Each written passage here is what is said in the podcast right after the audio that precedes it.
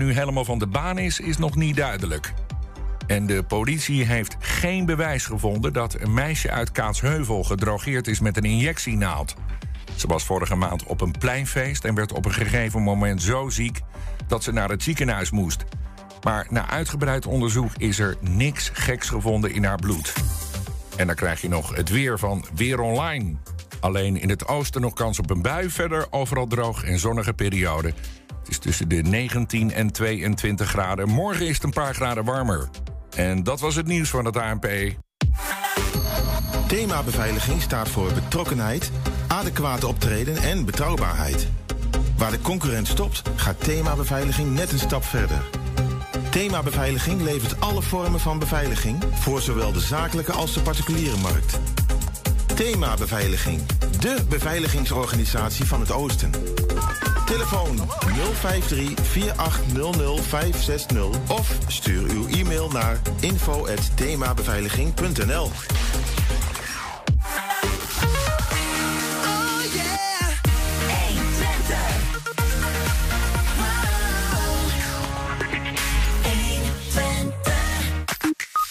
We praten en speculeren met onze politiek verslaggevers over de coalitieakkoorden in Hengelo en Enschede. Bier gooien naar artiesten moet maar eens afgelopen zijn. Of moeten de artiesten zich niet zo aanstellen? We peilen de meningen en eh, in de stelling van de week. De atleten voor de Special Olympics kwamen vandaag aan in Twente. En vanavond is de openingsceremonie. Morgen is er een carillonconcert in, het- in de grote kerk eh, op de Enschedeze Oude Markt. Niet boven in de kerk zoals normaal, maar gewoon op de begane grond. Stadsbijaardier Esther Schopman praat ons bij. Door de stijgende kosten van energie komt mogelijk één op de zes huishoudens in de financiële problemen. Vroegen de Hengeloers of zij de eindjes nog wel aan elkaar kunnen knopen. En Bart Peter Zweem, zoals altijd, terug met de column van de week. Het is vrijdag 10 juni, dit is 1 Twente vandaag. 1 Twente. 1. 1 Twente vandaag. In Hengelo ligt er sinds eh, drie weken het collegeprogramma Hengelo in Verbinding. Woensdagavond werd hierover eh, gedebatteerd tijdens een politieke markt. In Enschede zijn ze nog niet zo ver. Daar wordt eh, komende maandag het coalitieakkoord gepresenteerd. En wij gaan over die coalitieakkoorden van beide steden praten met collega's Wilco Lauwers, die het proces in Enschede nauwgezet volgt.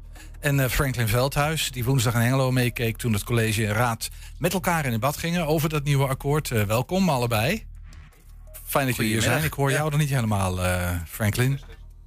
Eh, misschien om met jou te beginnen, Franklin. eh, dat collegeprogramma in Hengelo. We hebben het er nog niet over gehad, dus eh brand los.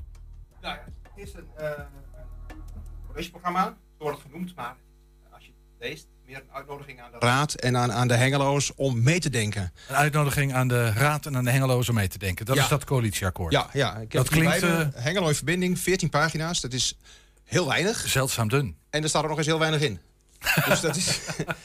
dat is Eh, eh, wat, wat, wat betekent dat, eh, Franklin? Dat er niet zoveel gaat gebeuren in Hengelo? nou ja, dat er nog wel nog heel veel moet worden afgesproken en heel veel moet worden besloten de komende tijd. De, de, de collegepartijen onder aanvoering van burgerbelangen, de grote winnaars, hebben gezegd... we gaan de informatie ophalen in de wijken, in de stad. En dan samen met de raad, dus oppositie en coalitie... gaan we samen het beleid uitstippelen. En dan eh, uiteindelijk eh, moet het college moet er maar beleid van gaan maken. Ja, het klinkt eh, buitengewoon democratisch. Een soort van ongoing democratisch proces. Ehm, collegeakkoord of coalitieakkoord op hoofdlijnen noemen we dat Ja, wel. Hè? We, ja, we- niks strak afgesproken, maar op hoofdlijnen. Absoluut, ja, niks te strak, nee. En daar is iedereen ongelooflijk blij mee? Of, ehm, Eh, ja, dat zou je denken. Hè? Want je zou denken, de, de, de, de, coalitie vindt het fijn... want nou, die zijn lekker snel klaar. Want ze hebben niet, niet zoveel werk, huiswerk gehad. En de oppositie heeft nog heel veel eh, eh, om in te vullen... en kan zelf eh, met leuke ideeën komen. Maar ja, goed, je bent ook oppositie om een beetje te kunnen schieten. Ja, op je, wil, iets, ja, hè? je moet ergens tegenaan schoppen. Juist, en nu ja, weet je niet ja, goed ja. waar je, waar En je met name schopt. de SP, die zijn terzijde geschoven bij de onderhandelingen eh, dit voorjaar. En eh, ja, die vonden dit toch wel heel erg mager. En die, eh, die vragen echt om, eh, nou ja, munitie niet, want dat hebben ze wel... maar om, om een doelwit. Ja, hey, waarom dan precies? Want ik bedoel, Ja. ik kan me ook voorstellen dat je eh, zegt van ja, we hebben meer ruimte nu om, om zelf ook als oppositie mee te doen. Is het, is het ook ongemakkelijk of zo, dat ze niet precies weten wat er komen gaat? Ja, eh, dat ook een beetje, denk ik. Het, het, eh, zeker een SP is natuurlijk gewend. Hoewel de laatste eh, decennia, de laatste acht jaar, twaalf jaar in Hengelo zaten ze in de coalitie. Die wilden nu weer lekker oppositie voeren. En nu beginnen ze en kunnen ze niks. Misschien is dat het wel. Ehm, ja, en je moet ook iets, iets hebben om, om mee verder te kunnen. Nu moeten ze het zelf bedenken. En ja, die oppositiepartijen denken ook van... ja, had ons dan aan deze tafel gezet en de plannen laten maken... dan hadden we, hadden we iets gehad. Waarom kiest Hengelo eigenlijk voor, voor die benadering? Ja, dat is mij niet helemaal duidelijk. Han Daals heeft dat gelijk, dus de uh, fractievoorzitter van, uh, de, van Burgerbelangen... gelijk gezegd, we gaan het op deze manier doen. We gaan zoveel mogelijk partijen betrekken bij het, uh, bij het overleg. Het is wel een beetje in de lijn ook met wat je ziet... ook in de landelijke politiek bijvoorbeeld. Hè, dat, over die nieuwe bestuurscultuur waar veel over wordt gesproken. Dat wordt gezegd, ja, je moet niet van tevoren bepalen wat je de vier jaar gaat doen... want er zitten oppositiepartijen er voor spek en bonen bij. Niet alles dichttimmeren. Precies. Um, ja, gaan ze een beetje gewoon in dat... Is het een soort van, ja, is het een hype tegenwoordig of zo?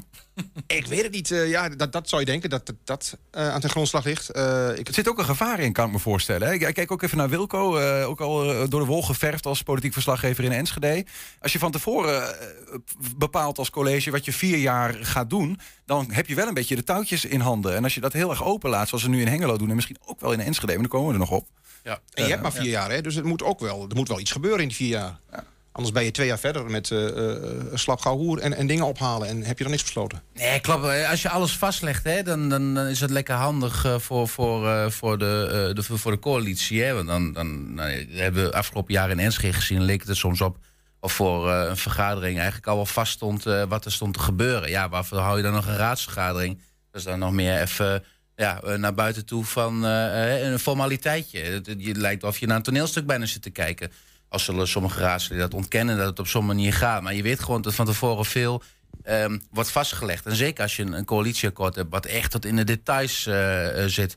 Maar je merkt dus nu ook, en dat zie ik dus ook in Hengelo gebeuren... bij, bij bijvoorbeeld de SP, dat die oppositiepartijen nu zich ook uh, geen rol lijken... of geen houding lijken willen te geven. Om, omdat die klassieke rol van coalitie en oppositie... die moet dan verdwijnen. En dat hoor je wel vaker dat ze dat heel graag willen. Dat is die hype eigenlijk wat je beschrijft. Uh, ook in Enschede. Maar ik ben daar dus ook heel benieuwd. Um, als je dus geen oppositiepartij bent en je zit dus niet in de coalitie, uh, om nog maar niet te hebben, waar ben je dan wel? Hè? En ik denk dat, dat SP daar ook wel daar een beetje naar op zoeken. Ze wil ergens uh, ook hun identiteit in, in kwijt kunnen. Hè? Ze wil ergens tegen aanschop. Iets zeggen, we zijn we niet mee eens. Maar als het niet heel ehm, strak vast ligt of zo, dan lijkt me dat ook wel je, je merkt dat die, die politiek nog in een nieuwe rol moet wennen. Misschien is... Uh, ik vraag me even af, hè. Ik kijk over jou aan. We hebben het er natuurlijk veel, eh, veel over. Maar is het ook niet een beetje een uh, soort zwakte van... nou ja, die, die, die, college en de coalitie, daar moeten de ideeën en de, en de, en de, de, we moeten daar vandaan komen. En nu moet de raad dat ineens gaan doen. Maar is het toch ook gewoon een, een, een taak van, van, van die raad om beleid ook mee te maken? Ja, nou ja, als ik iets vind van die lokale politiek uh, en, en de kwaliteiten van de afgelopen jaren, uh, maar dat, dat is al heel veel jaren denk ik, is dat je bent raadslid, hè, zonder last en ruggespraak zeggen ze wel eens, maar uiteindelijk zie je gewoon dat het, het partij, de partijdiscipline heerst. Hè. Stemmen is tegen je eigen eigen hè, um, fractie, als er een fractie van vier zit en drie stemmen voor. En jij vindt eigenlijk van niet stemmen als tegen. Nou, dan, dan, wil je niet weten waarvan gedonder dat uh, binnen een partij kan geven. Tenzij je ziet dat de verhoudingen toch goed zitten. Als er een meerderheid is, dan maakt het ten eerste niet uit. Want mm -hmm. stemt eentje tegen, prima. Ja, um, maar daarmee ja. met, met, met, nee. met zo'n met, met zo'n open raamwerk, waarin ja. je niet alles hebt dichtgetimmerd, um, uh, stimuleer je dat natuurlijk wel een beetje. Ja, hè? maar je om, moet het wel kunnen. Ja. De, de, raad moet daar wel toe in staat zijn ja. om die rol op te pakken. Ik ben heel erg benieuwd of het gaat lukken. Ja, misschien ik, zo nog even verder praten over uh, een open coalitieakkoord. Want in Enschede lijkt, uh, nou, denken wij misschien ook wel zoiets aan te komen. Is natuurlijk ook wel eens genoemd door uh, de kartrekkers van de, voor de formatie. Dus nog heel even terug naar de hengeloze situatie, Franklin. daar is ook wel, er, er, is een plan, een ambitie om te groeien naar 100.000 inwoners. Die, die zit nu op het inwoneraantal? Uh, 82.000. 82.000. Maar die ambitie die, die wordt niet door iedereen onderschreven. Dat is wel mooi toch? Groeien? Ja, groeien is mooi. Uh, als je 100.000 inwoners hebt, krijg je ook wat meer van het Rijk. Uh, daarnaast heb je wat meer aanzien als je aan, aan tafel zit met de provincie en het Rijk. Uh, dus het heeft voordelen, maar uh, waarom zou je groeien als je... Het heeft ook nadelen natuurlijk. Hè? Je, kunt er ook, je kunt tegen dingen aanlopen die, die, die je niet wilt. En je, ik, lijkt mij verstandig dat je vooral groeit vanzelf. Dat je gewoon een, een, een goede stad neerzet, een goed beleid hebt. En dat daardoor mensen naar de stad komen of in de stad blijven wonen. Mm -hmm. en, en niet ten koste van alles naar die 100.000 willen. Want ik hoor het pas sinds een aantal maanden, dat getal. Ik wist niet dat het zo'n ambitie was. Maar kennelijk zijn toch een aantal partijen daar... Het moet geen uh, gesteld doel zijn, maar een toevallig uh, bijvangst dat je groeit. Ja, tuurlijk. Ja. En dan en, is dat prima. Ik vroeg me ook heel even over die, die, over, die, uh, over die SP. Hè. Die zit nu sinds, uh, nou, sinds mensenheugenis. Ja, zaten ze in het college en ja. nu ineens in de oppositie. En het, het klinkt een beetje ook een beetje in jouw verslaggeving door. Alsof ze zeggen, nou, wij, wij gaan gewoon tegen. Wij zijn gewoon niet voor, we doen niet mee.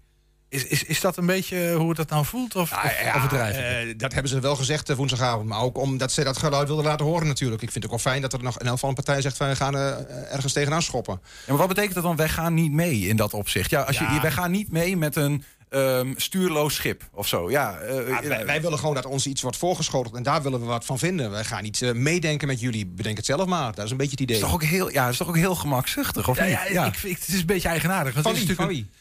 Nou, Nou, nee, het is in, in, in Hengelo een bestuurspartij geweest, al Ja, jaren. ja. Die zijn altijd met ideeën gekomen. En nu ineens kunnen ze niet meer met ideeën komen. Nou, dat kunnen ze denk ik wel. Maar goed, ze eh, zij zullen erop afgerekend worden als ze met ideeën komen... die straks worden weg, weggestemd. Dus ja, ik snap het wel. Of vinden zij het ook gemakzuchtig van het college? Dat ze Nou, geen ik. eh, Ja, ja, programma... dat, geen, dat, dat is in, in elk geval wat ze zeggen. Dus de nieuwe bestuurscultuur laat de, de, de politiek een beetje in een kramp eh, Maar schieten. weet je, eh Han Daals gaat koffie drinken met eh, eh, Hugo Koetsveld. Dat hebben ze afgesproken, dus ze gaan nog wel vrienden worden. Eh, inhoudelijk zullen ze het nooit eens worden op heel veel vlakken. Maar, eh, ze gaan, eh, want Hugo Koetsveld heeft een brief geschreven, een open brief.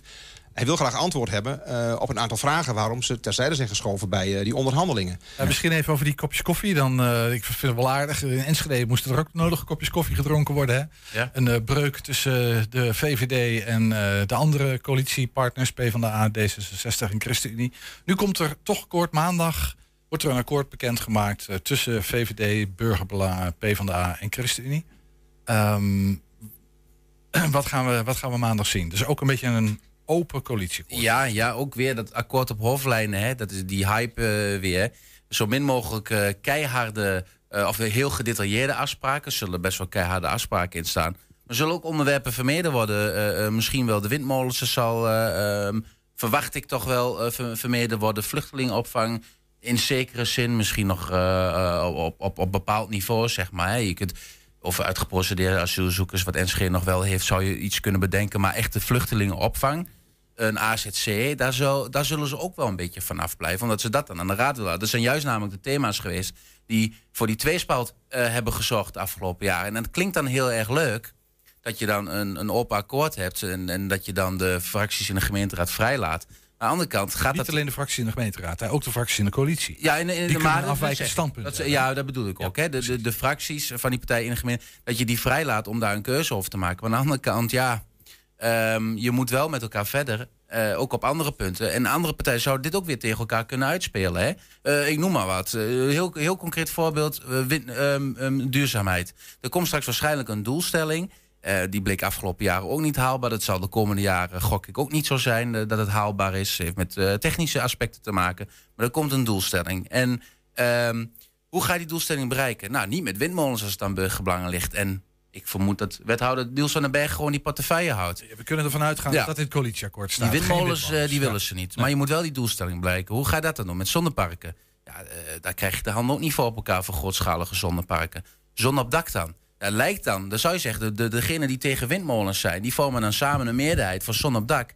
Maar denk je dat PVV en een Forum voor Democratie zomaar zeggen van... eh, nee, vinden we prima. Die zijn helemaal tegen die doelstelling. Dus ze zullen ook daar tegen stemmen. Vind maar eens die meerderheid. Ik vind het nog best wel ingewikkeld. Ja. Ik denk dat het helemaal niet zo makkelijk is op heel veel punten... om Nee. Plus je loopt natuurlijk het risico dat een aantal partijen die eh, eigenlijk best voor zon op dak zijn en voor zonnevelden, Ja. maar die zeggen van ja, dit gaat ons niet ver genoeg. Er moeten ook windmolens komen, dus wij stemmen ook tegen. Ja, dus dat eh, betekent dat even, voor, want ik, eh, ik moet soms eventjes weer recappen om te begrijpen wat je zegt hoor. Be- betekent dat dat een, een wethouder, in dit geval Niels van den Berg bijvoorbeeld, die duurzaamheid, eh, die heeft gewoon een opdracht. Die moet x aantal duurzame energie opwekken.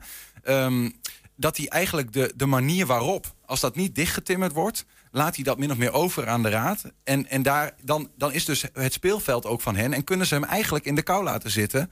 Op de manier waarop dat bereikt wordt, waardoor het nooit bereikt wordt. Nou ja, als ik heel politiek denk, en dat is weer de klassieke eh, politieke stijl, tegen elkaar uitspelen. En dat is natuurlijk niet de bedoeling van zo'n op akkoord. Maar het gaat natuurlijk ook gewoon gebeuren. Hè? Dat zijn die rollen waar we net. politiek. Het blijft politiek. Je wil gewoon jouw eigen partijstandpunt.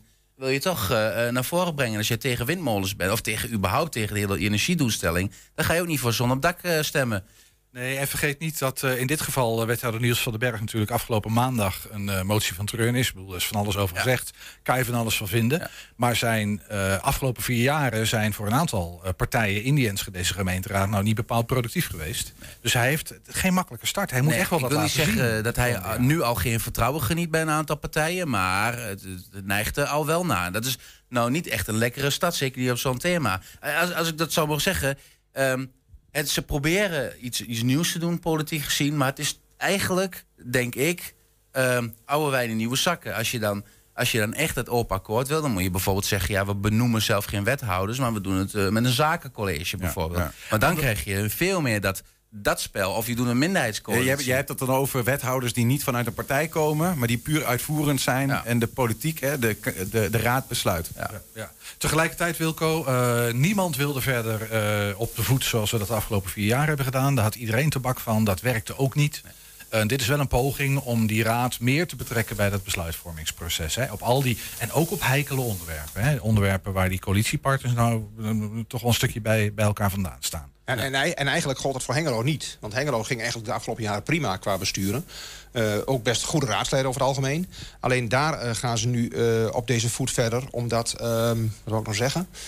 Ehm, ja, omdat het gewoon tegen is gevallen het aantal kiezers wat naar de stembus is gekomen. Ja. Ze moeten iets. Dus ze denken, we gaan nu proberen om het echt bij de burgers op te halen. En bij de, de raadsleden. Ja, want dat vroeg me trouwens nog bij jou. Want jij, eh, Wilco, je zei in Enschede verwacht, eh, verwacht jij als nou ja, politiek verslaggever... gewoon min of meer met je glazen bol... wat je een beetje in de wandelgang hebt gehoord... verwacht je dat eh, eh, kort op hoofdlijnen komt, waar we het over hadden...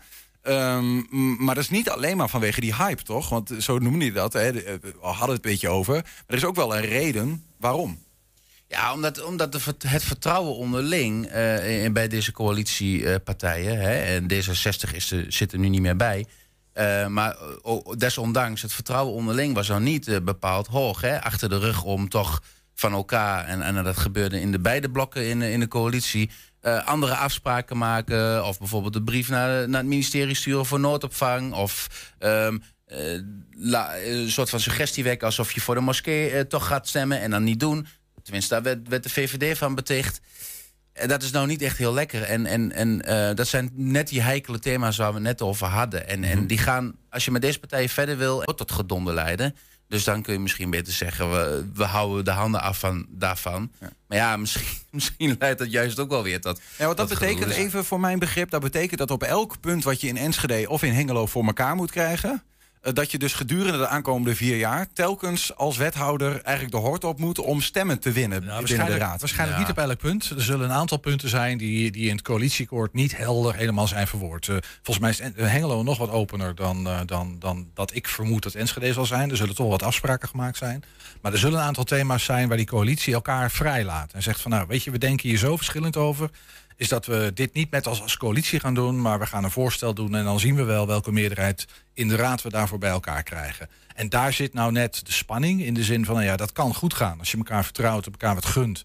En denkt van, nou weet je, de ene keer winnen wij wat, de andere keer jullie. Ja. Eh, maar als het vertrouwen wat minder is, of wat wankel is, of wat, wat gaat, dan kon het ook wel eens heel spannend worden in politieke zin. Want dan kunnen die dingen ook tegen elkaar uitgespeeld Dus worden. in dat opzicht een, eh, misschien wel een beetje een democratisch experiment. Van wat gebeurt er dan de aankomende vier jaar? Een klein beetje. Het is natuurlijk niet helemaal nieuw. We hebben wel vaker. eh, dit zijn ook wel een soort van golfbewegingen die je ziet in, die, in dit hele, die hele politieke geschiedenis. Maar het is wel een nieuwe, een nieuwe poging om, om ervoor te zorgen dat college en raad wat beter bij elkaar, met, met elkaar in balans zijn. En een soort van, van gedwongen worden om het met elkaar samen te doen. Nou, we moeten gaan afwachten hoe dat gaat, eh, hoe dat, hoe dat gaat vallen in beide steden, vermoed ik. Ehm, ik vroeg me nog wel even af. ehm, eh, er is heel lang eh, gespeculeerd over, nou ja, eh, zes of vijf wet, wethouders in, in Enschede.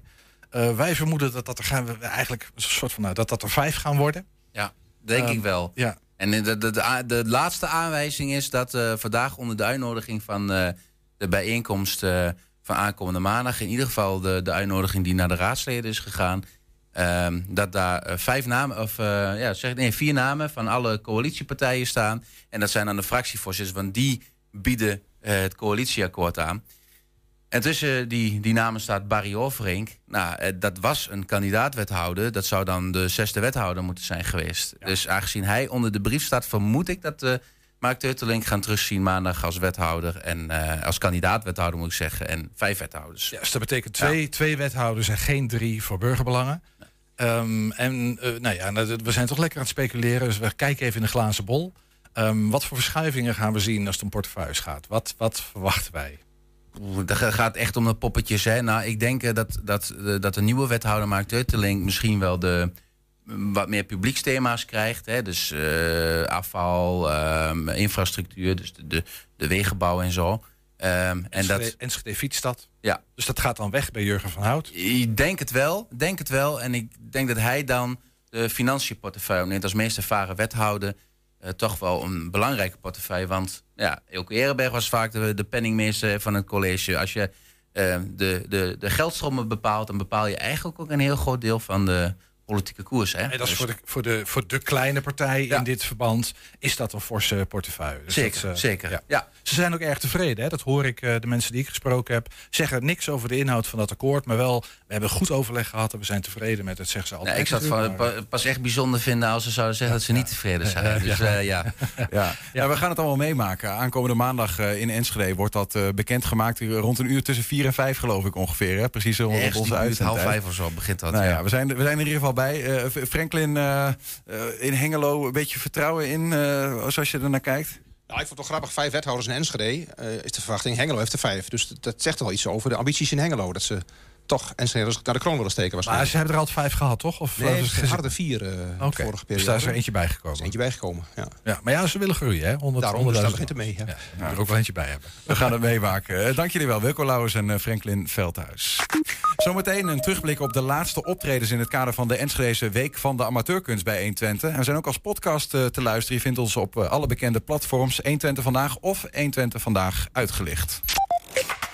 120. 120 vandaag. Populaire artiesten en Twentse festivals blijken niet altijd een gelukkig huwelijk. Het is natuurlijk maar hoe je er tegenaan kijkt. Maar Mart Hoogkamer verliet afgelopen zondag de Pinksterfeesten in Beckham... nadat er bier eh, naar hem was gegooid. Ja, ik zou denken, als je in Twente bent en je doet een optreden... dan weet je dat dat gebeurt. Maar goed, hem verraste dat kennelijk. Ehm, hij volgde daarmee het voorbeeld van Lil Kleine... die eh, dat een paar jaar geleden ook deed eh, in Hengevelde. En de vraag rijst dan een beetje of het maar eens afgelopen moet zijn hè, met dat bier gooien. Kunnen de Enschede'ers zich, daarin vinden? Of kunnen ze zich meer vinden in de mensen die zeggen... nou, bier gooien in Twente, dan, eh, dan ben je maar op één plek. En dat, ja, moet je dan maar voor lief nemen. Stel je nou voor dat je wekenlang hebt gewacht om een bekende artiest te zien in jouw omgeving. Dat je speciaal voor die persoon naar het festival gekomen bent. En vervolgens gooit iemand één biertje en is het optreden gecanceld. Hoe denken de Enschede'ers over biergooien op artiesten? We onderzoeken het tijdens de stelling van de week. Ik zou hem eh, direct van het podium aflopen als iemand een biertje naar me zou gooien. Ja, sowieso. Ik kan me niet heel goed inbeelden hoe het is om een artiest te zijn. Maar nee, ik denk dat ik wel was blijven staan. Ik zou dat niet doen. Waarom zou je dat niet doen? Ehm, heel eerlijk gezegd uh, hoort het er misschien wel een beetje bij. Bier gooien. Eh, het kan een keer gebeuren. En eh, ja, dat, eh, zo erg maakt het toch niet uit. Gaat over Maart Hoogkamer, denk ik. Ja, gaat Ja. over Mark Hoogkamer. Ja, ik vind een beetje dat hij te snel weg is gelopen. Maar ja, als hij er, er zo op tegen is en hij spreekt die mensen aan... dan heeft hij het recht om weg te lopen. Maar ik zou het zelf niet doen. Nee, dat eh, denk ik niet, maar ik zou er wel wat van zeggen. Ik zag gisteren ook een filmpje van een andere artiest en die ging gewoon diegene direct aanspreken. Dus ik denk dat ik dat eerder zou doen. Maar als het dan nog een paar keer gebeurt, dan zou ik ook zeggen... nou, eh groetjes, ik heb mijn geld binnen en eh, tot ziens, eh, zeg maar. Nou, ik vind wel respect voor, van hem dat hij zegt ik ga niet verder. Maar het is wel heel snel opgegeven. Bijvoorbeeld je hebt Bissy, die had laatst ook. Die heeft echt gezegd kom maar op het podium. Dat vind ik een betere oplossing. Want dan gaat hij erover nadenken. En toen is hij gewoon verder gegaan en toen is er verder niks meer gebeurd. Op zich, ja, ik, zo, ik snap hem wel. Je Weet je, je bent daar gewoon voor de leuk toch en niet om bier in je gezicht te krijgen. Dus ik was ook wel weggegaan, denk ik. Maar misschien niet zo snel. Nee, eh, op het moment, als je dan wegloopt, dan geef je ze een soort van hun zin, denk ik. Dus daarom zou je juist op het podium blijven moeten staan. Ja, weet ik niet zo goed, eigenlijk. Nee, ik zou denk ik niet zo snel eh, het podium afgaan. Biergooien op festivals hoort wel een beetje eh, bij, toch? Hoort wel een beetje bij, denk ik. Ik denk dat je wel een beetje nat wordt. Hoe erg kan het zijn? Als je een beetje goedkope kleren aan doet, zou ik gewoon lekker doorgaan. Ja, biergooien hoort er wel bij. Maar als je daar optreedt en als je een artiest bent... nee, dan zou ik gewoon van het podium aflopen. Maar vind je eigenlijk dat, uh, dat meteen aflopen, dat je dan te snel uh, je fans in de steek laat?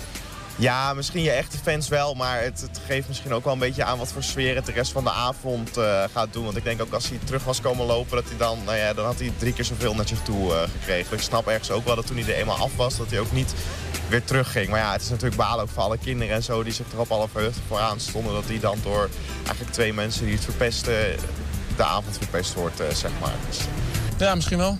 Misschien uh, had hij weer meer biertjes moeten kopen nog. En uh, nou ja, als hij kiest voor om weg te gaan, dan uh, ja, moet hij dat doen, joh. En ik zou iets langer blijven staan. misschien kijken, even afwachten wat het wordt. En anders, ja, dan ga je weg. Ja, zijn keuze. Ja. Maar ik ben het er zelf niet mee eens. Ja, misschien wel. Ik weet niet. Maar ik zou, ja, het ging wel heel snel. Maar ik zou er ook niet blijven staan als ik hem was. Zou eh, eigenlijk bier gooien überhaupt verboden eh, moeten worden?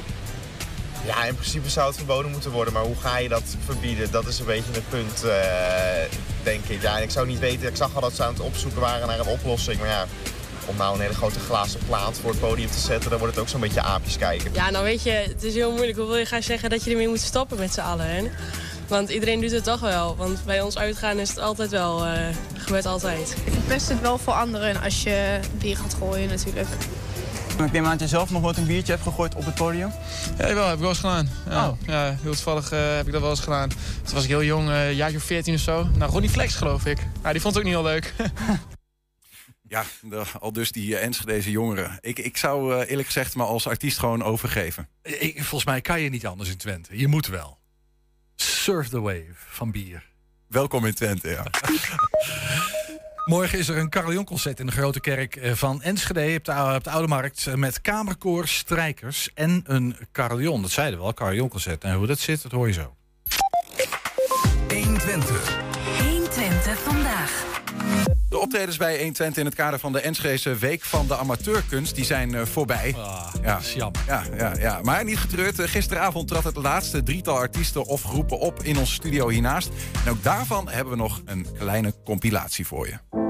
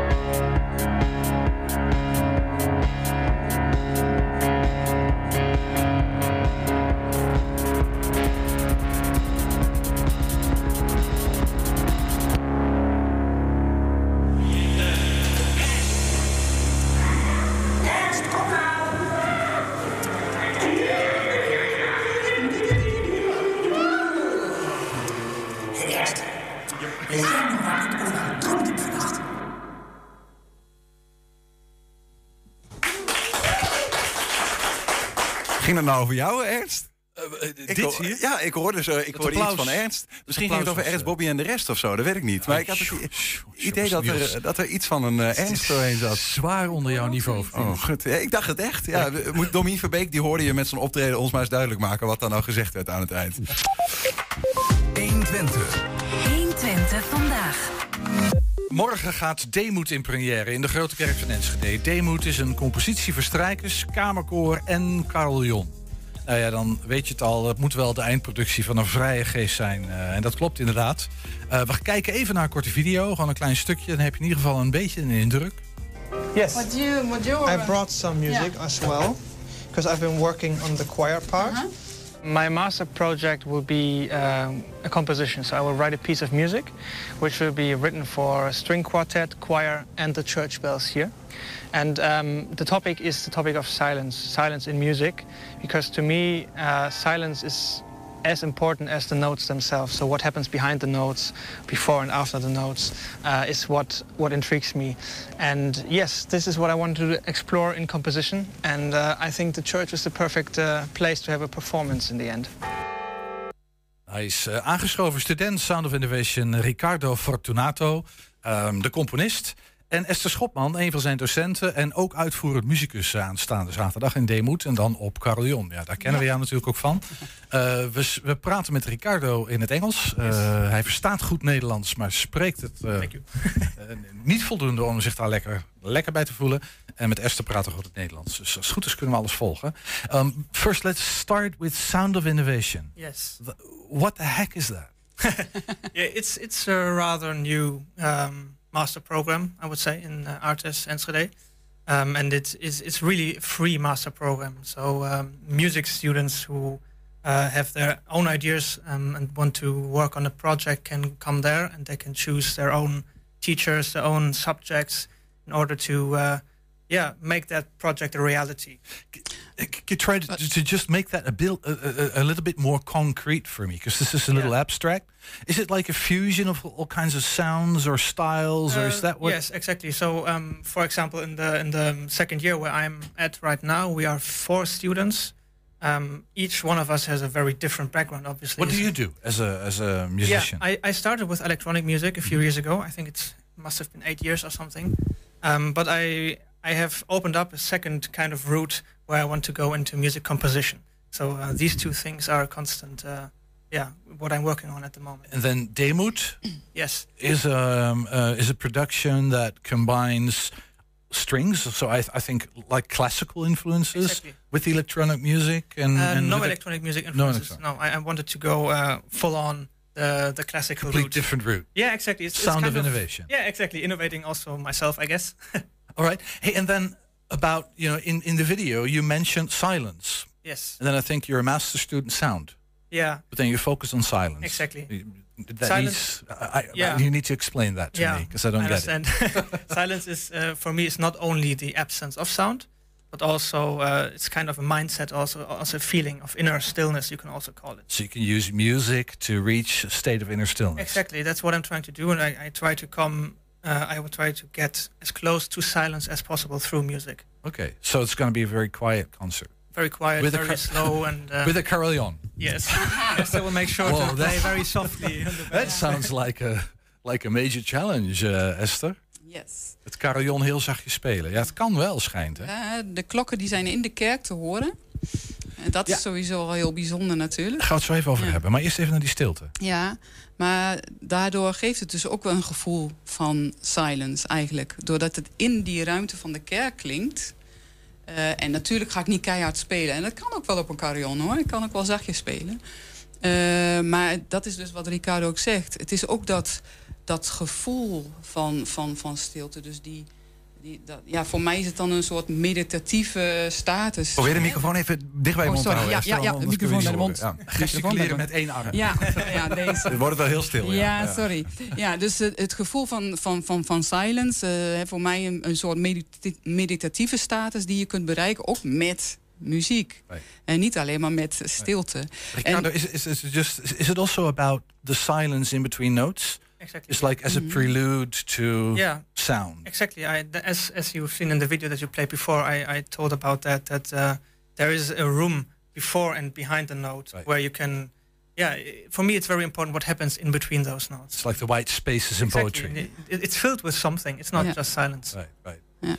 Hey, um, and your your fascination for music, because uh, how old are you? Uh, That's an- 25. I know it's an inconvenient question. No, it's fine. 25. 25. Are you from? I'm from Germany, from the north of Germany. Uh, Demut um, Yeah, was a notion. I, I yeah, thought it was from Germany. Your fascination for music and for composition and for silence and sound and you know this this whole thing that makes music music. When did it start? The silence thing um, did start, I would say, three years ago. I was, um, yeah, I had a free year more or less, and I toured Europe. and I this was is pre-corona. It's this not is a free pre, year no, no, no, no, no, right. pre-corona, pre-corona. Um, I, I was in Russia and I was in Ukraine, and I was visiting monasteries uh, as a tourist.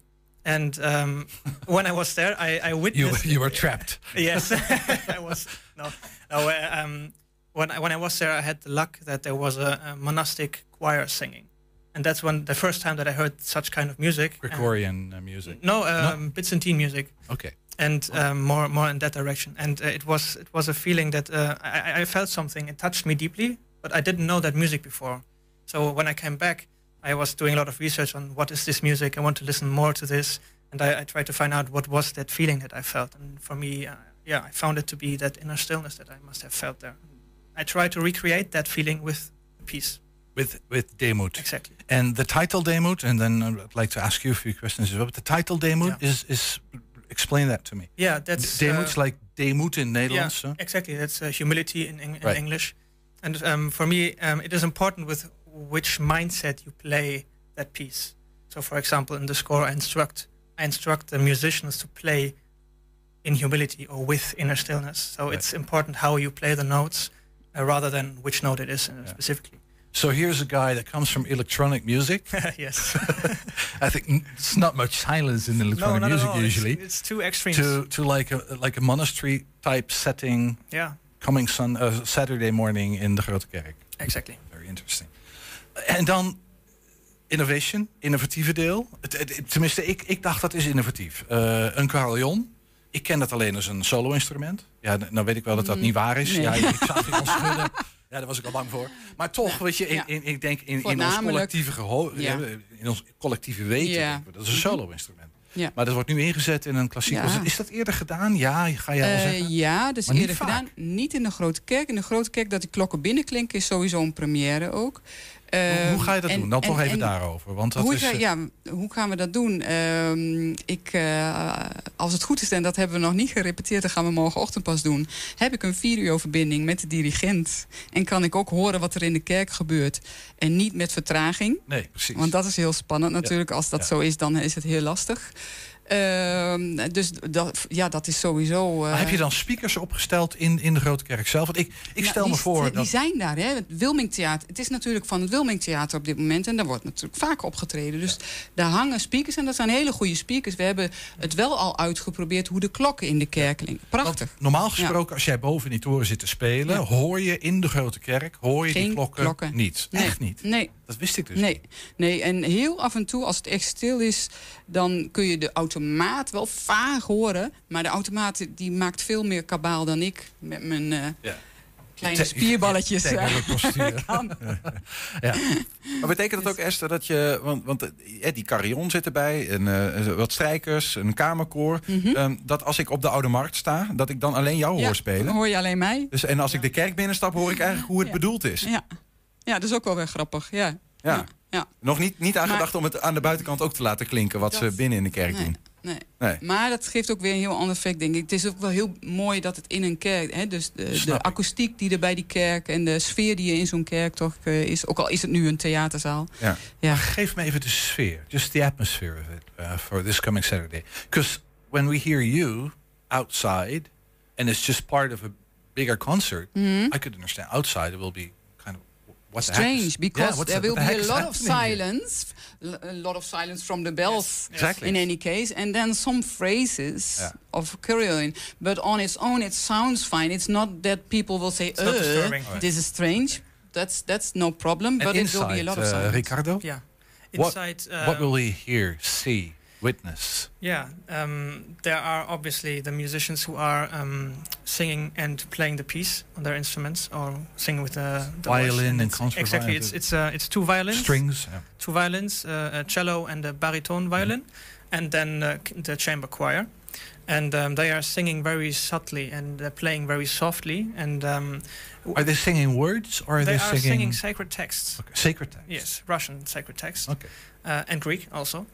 Um, and uh, due to the to the reverberation inside of the church, um, it really stretches that space behind, be, um, between the notes that I was talking about. So there's enough. uh, There's enough room to go beyond that. And you'll be just sitting listening because you I will be in the the audience piece. Yeah. and uh, try to enjoy it and Yeah. not be anxious. Try to enjoy it. Very Yeah. exciting for him Yeah. to Exciting, hear it course. because So yeah. people that think I'm curious, I want to be there. Yeah. What do they need to do? Yes, there's uh, the website of the Wilming Theater in Enschede. You can go there and um, you can find uh, the, the program in their event calendar on the 11th of June, so tomorrow.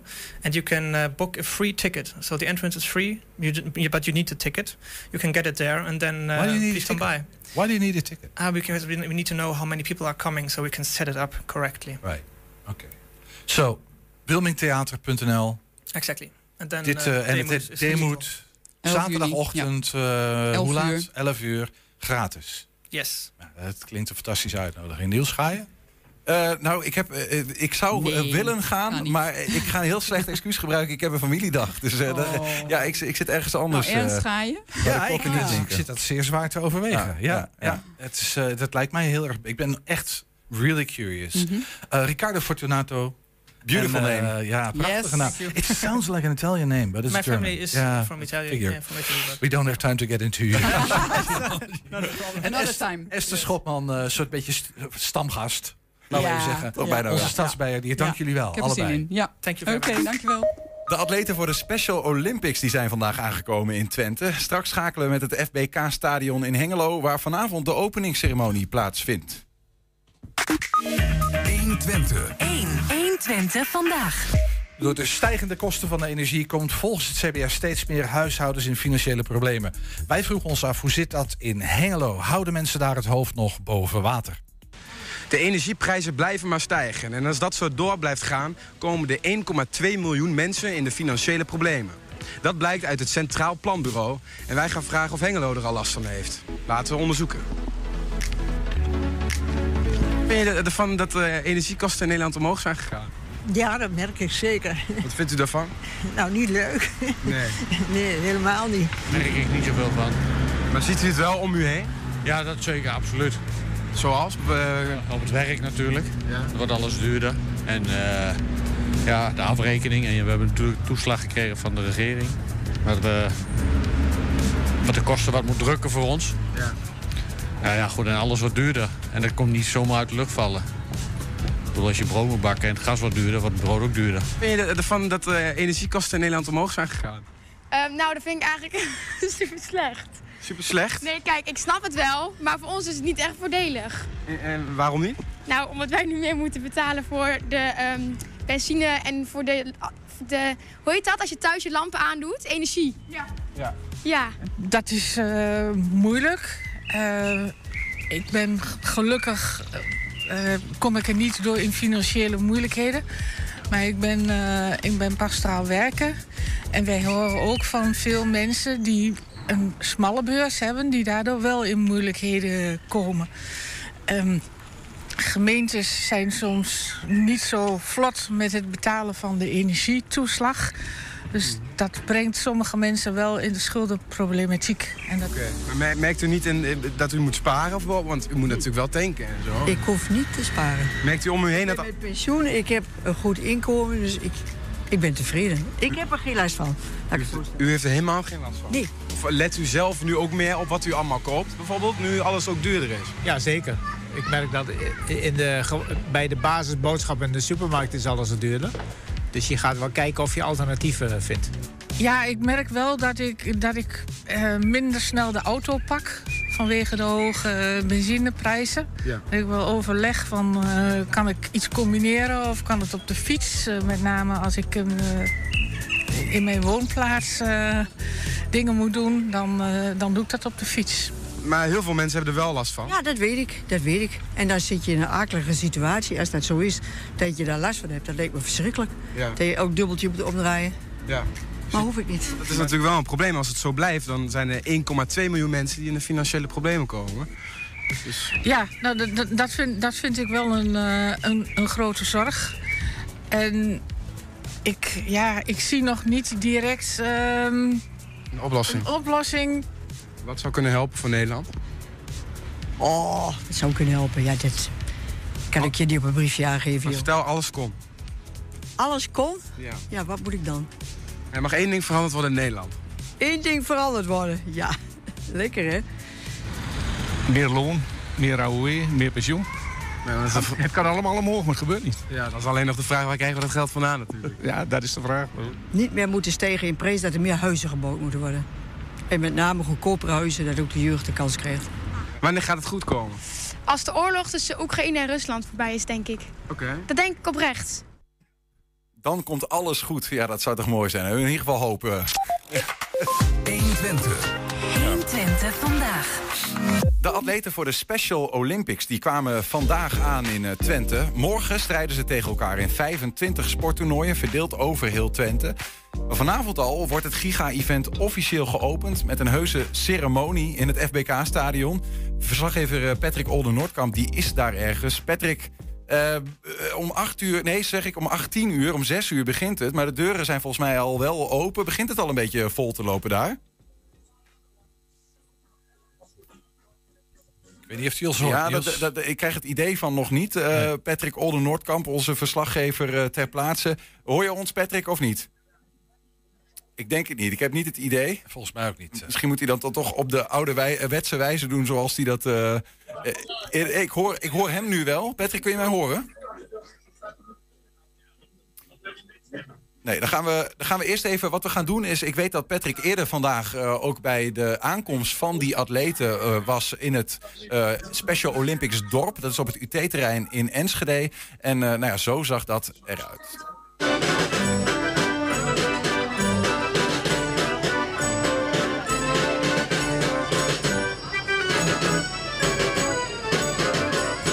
Ze kijken hier al twee jaar van tevoren naar uit. De eh, Special Olympics zijn eh, toen door corona uitgesteld. Nou, eh, dat is eh, echt een ramp voor hun. Ja, dat was niet zo leuk, hè? Dat was niet zo leuk met die, toen met die corona. Nee. En dan mag ik gelukkig weer. Vanaf 1998, dat was mijn eerste. Zo lang duurt u al mee? Ja. ja. En altijd als coach? Altijd als coach. Ja. Ja, U gaat hier slapen dan ook twee nachten, neem ik aan? Ja, dat is de bedoeling. We gaan in ieder geval in een tent op een bed liggen. ja, want van slapen komt niks? Van slapen zal niet zo heel veel komen. Eh, er is spanning, er is stress. En wat is je eerste indruk als je hier zo kijkt? Het is wel mooi.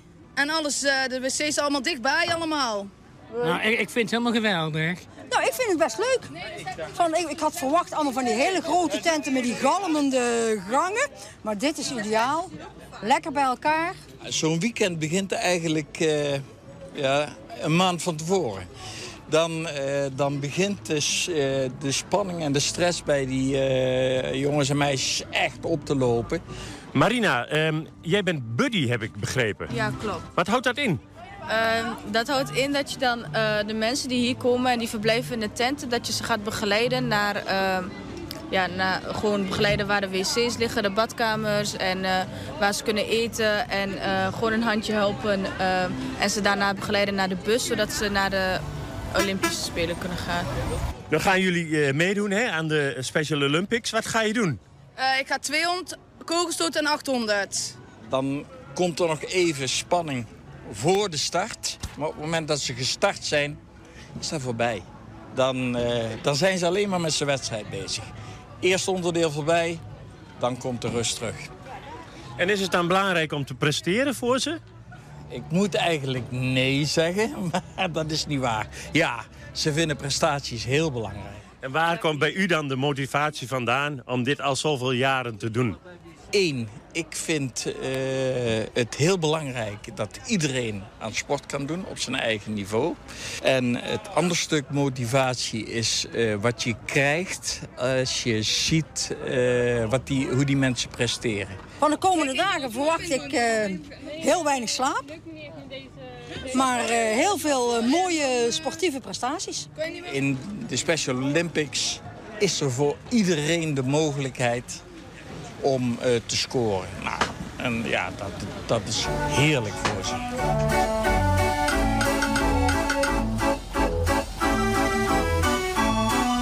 Dat is eh, eerder vandaag eh, daar op het terrein van de Universiteit Twente... waar dus dat Special Olympics dorp is gebouwd... met zo'n 2000 deelnemers die daar gaan bivakeren dit weekend. Er zijn nog eens duizend deelnemers die eh, daar ergens anders gaan, eh, gaan slapen. En al die deelnemers en dan nog eens duizenden mensen... komen vanavond samen in het FBK-stadion in Hengelo... voor de openingsceremonie... waar ook onze verslaggever Patrick Olden-Noordkamp nog eh, altijd is. Patrick, kun je ons nu horen? We hopen het zo. Ja, ik hoor je nu, Niels. Mooi. hier gaat het beter. Ik ben even naar de kantine gegaan. Buiten is het flink lawaaierig. Mensen komen binnen. Er is muziek, eh, er is eh, repetitie. En eh, eh, dus eh, ik heb even een stil plekje opgezocht.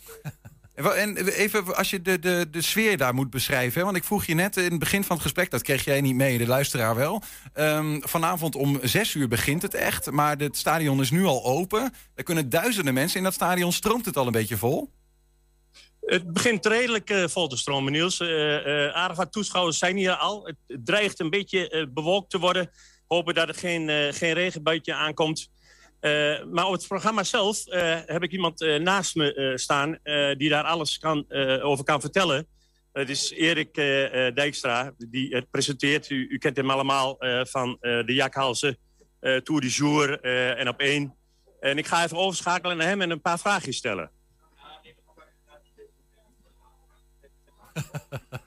Het knopje op de iPhone moet even overgeschakeld worden. Ja, Erik Dijkstra. Sorry voor het lange wachten. eh, excuses daarvoor. eh. Ehm, Erik, je bent de presentator vandaag. Kun je heel even in kort uitleggen wat hier precies gaat gebeuren? Ja, dit is de, de officiële openingsceremonie. Dus we krijgen straks een, een, grande opening met allemaal eh coniferen uit de internationale sportwereld. En de ploegen komen nou straks één voor één het Fanny Blanke Schoenstadion eh komen ze allemaal in.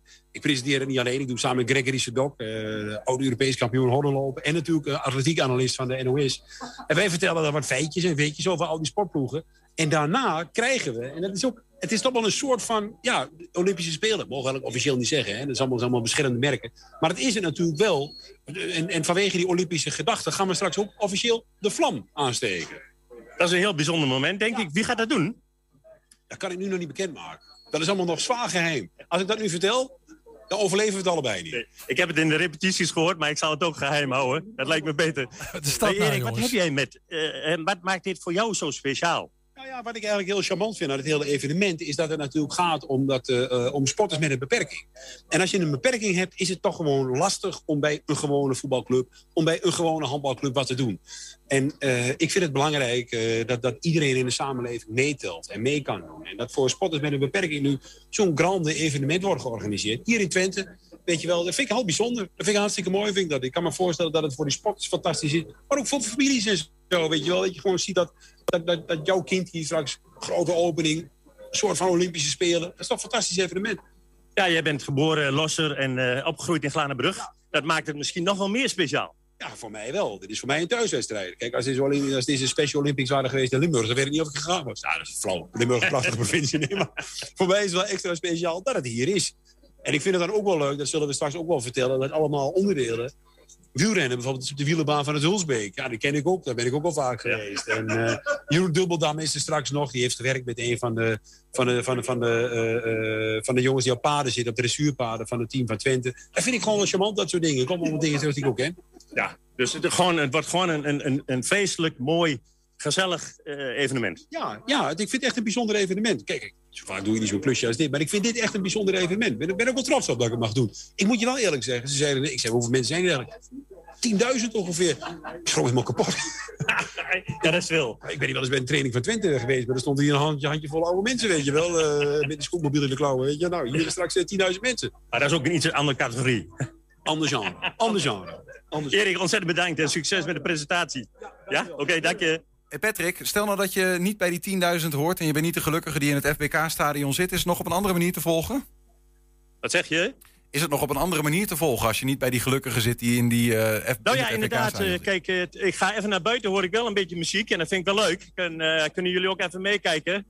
Ehm, als je wilt, TV Oost die doet rechtstreeks verslag.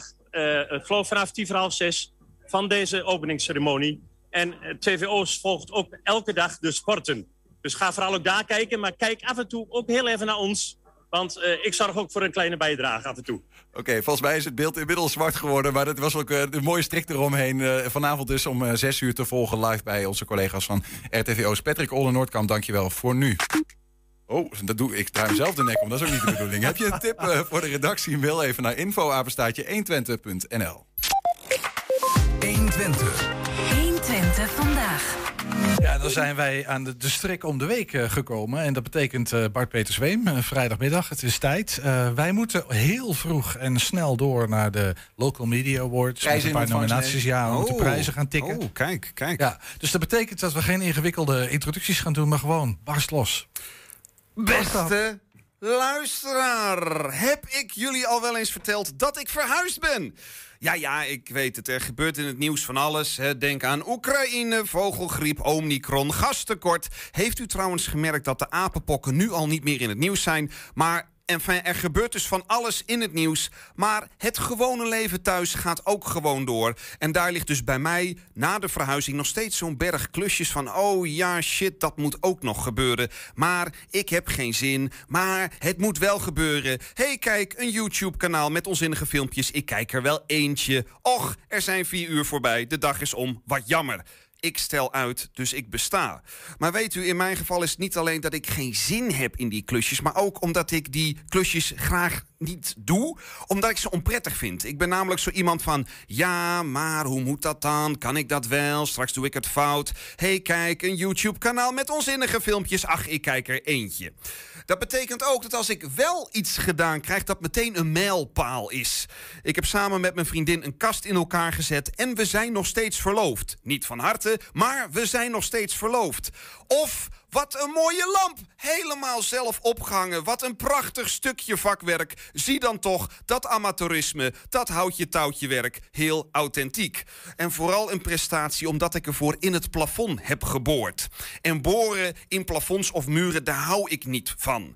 Een gat ergens in maken is wat mij betreft iets stuk maken. En daarom hangt er ook nog bijna geen schilderij bij ons in huis. Twee hangen er. Eentje met een spijker, want dat voelt minder erg dan boren. En de ander met een heel sterk tapeje wat tot 100 kilo kan dragen. Dus dat hangt heel stevig. En bij deze is de inhoud van de lijst toch wel goed. Hoeft toch niet meer veranderd. Maar voor sommige schilderijen moet ik toch echt boren in de muur. En ik vind het eng om in een muur te boren. Want die muur, die beschermt mij. Die beschermt mij tegen de elementen. Tegen regen, tegen wind, tegen kou, sneeuw, tegen boeven, barbaren, tegen Jehovah-getuigen. Want zonder muren zouden zij allemaal gewoon om de deur heen lopen. Alhoewel, zouden Jehovah's dat doen? Is dat niet tegen hun natuur? Is het in theorie misschien voldoende om gewoon ergens een deur en een deurbel in een weiland te zetten en dat ze dan toch aanbellen en ik me kan verstoppen achter de bank? Mijn punt is, muren zijn fijn. Ik ben blij met mijn muren en ik vind het dus heel moeilijk om daar een gat in te maken. Ik heb dan meteen het beeld van een middeleeuwse stadsmuur waar een vijandelijk leger door een gat heen komt en de stad plundert, alleen omdat ik zo nodig een schilderijtje wilde ophangen. Dat gevoel. En met plafonds is het net zo. Die beschermen nog meer tegen regen dan een muur, want regen komt uit de lucht. Daar heb je een plafond voor. En tegen vogelpoep beschermt het en tegen vallende stenen. En daar ga ik dan een gat in boren. Dat voelt niet goed. Maar ja, die lamp moet toch opgehangen. Dus vooruit, ik doe het toch. En als hij dan hangt, dan voelt dat goed. Dan voel ik mij een man. Ik ben een man. Niet dat dat iets is voor mannen, wat een ontzettend seksistische, niet woke gedachte, maar toch denk ik dat. Waarschijnlijk omdat mijn vader mijn voorbeeld is van een vader, mijn voorbeeld van mannelijkheid en hij kluste altijd in huis. Was mijn vader een professioneel balletdanser geweest, dan had ik waarschijnlijk een plié gedaan en gedacht, huh, ik ben een man. Zo gaan die dingen. Ja, ik heb een lamp opgehangen. Want het leven gaat door en dan mogen kleine persoonlijke dingen soms prestaties van wereldformaat zijn. Ook al is er oorlog, ook al zijn er ziektes, ook al zijn er tekorten. Maar soms heb je even afleiding nodig. hey, kijk, een YouTube-kanaal met onzinnige filmpjes. Ach, ik kijk er eentje. Bart Peter Zweem, ik, eh, als man met linker, twee linkerhanden, misschien wel drie, eh, schaar ik mij volledig naast jou. En eh, hoop ik geïnspireerd te zijn geraakt door deze mooie column van de week. Dankjewel. En daarmee zijn we aan het einde gekomen. Tot zover 120 vandaag. Terugkijken kan, hè? 120.nl. Vanavond 8 en 10 uur op televisie. Zometeen hier DJ non-stop. Kortom, geen gelul, wel muziek. Veel plezier daarmee. Goed weekend. En heel graag tot maandag. Tot maandag. Goed weekend. Bye bye. 120. Weet wat er speelt in Twente. Met nu het nieuws van 5 uur. Goedemiddag, ik ben Mark Bergt. Limburg wil geld zien van het Rijk om te voldoen aan de stikstofeisen. Uitstoot moet daar het meest omlaag met meer dan de helft. En dat betekent dat veel boeren moeten verduurzamen of stoppen... en Limburg wil hun helpen en perspectief bieden.